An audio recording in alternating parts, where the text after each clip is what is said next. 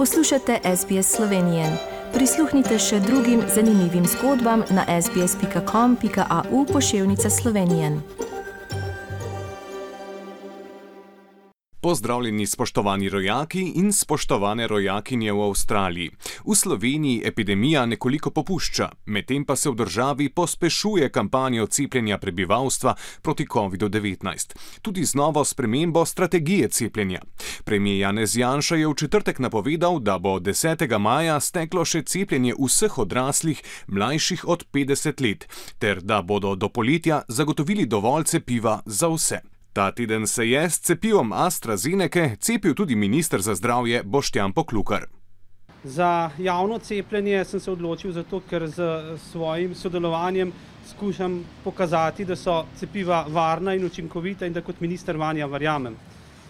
Verjamem, eh, da je cepivo najboljše orožje zoper epidemijo, zato prosim vse državljane, da pristopimo k cepljenju eh, in na ta način premagamo virus oziroma zaključimo epidemijo. Še naprej bodo sicer prednostno cepili starejše in ranljive skupine, možno pa bo tudi cepljenje mlajših.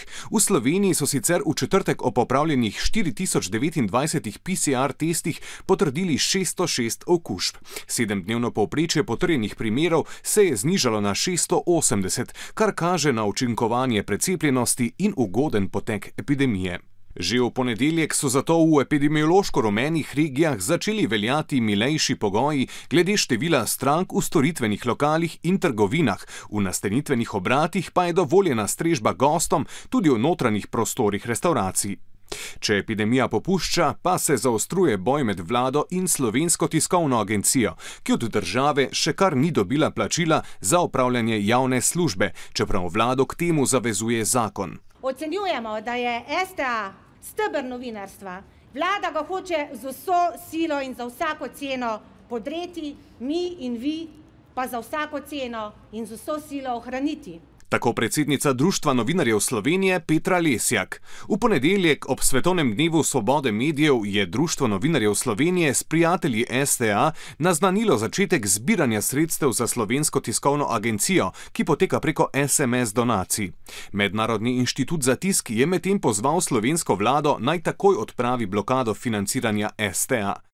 V slovenskem hramu demokracije pa so poslanci koalicijskih strank znova vložili predlog za razrešitev Igorja Zorčiča z mesta predsednika državnega zbora, ker je marca izstopil iz koalicijske stranke SMC in prešel v skupino nepovezanih poslancev. Zorčič je pobudo za odstop zavrnil, kot kaže pa ima koalicija le 38 poslanskih podpisov, kar je za odstavitev Zorčiča premalo. Slovenci so med vsemi državljani Evropske unije najmanj zadovoljni z delovanjem demokracije v svoji državi, je pokazala raziskava evropskega javnega mnenja Eurobarometer. Zadovoljna jih je le četrtina. Manj slovencev od povprečja Evropske unije je tudi zadovoljnih z ukrepi, ki jih je za preprečevanje pandemije COVID-19 sprejela vlada. Na gradbišču v Dekanih so končno stekla glavna gradbena dela na najdražjem in najbolj zahtevnem infrastrukturnem projektu v Sloveniji, projektu izgradnje drugega železniškega tira med Divačo in Koprom. Vrednost investicije je slaba milijarda evrov, glavna dela pa bo upravilo slovensko podjetje Kolektor CPG s turškima partnerjema. Ministr za infrastrukturo Jrnej Vrtovec obljublja, da ne bo podražitev projekta. Ne bomo dopustili, da bi prišlo do kakršnih koli preplačil drugi tir ne bo te šest. In da bo potencial za sodelovanje iskal tudi v zalednih državah. Ne pogovarjamo se samo v konceptu prispevka za drugi tir. Ne. To je samo ena izmed možnosti, ampak se pogovarjamo o tem, kako zaledne države lahko še dodatno pletemo k razvoju Luke Koper. 1. maj, mednarodni praznik dela, ki ga slovenci radi praznujemo ob kresovih, je zaradi ukrepov za zajezitev epidemije minil brez množičnih prvomajskih praznovanj. Ponekod so kljub temu ob upoštevanju ukrepov zadonele budnice godb.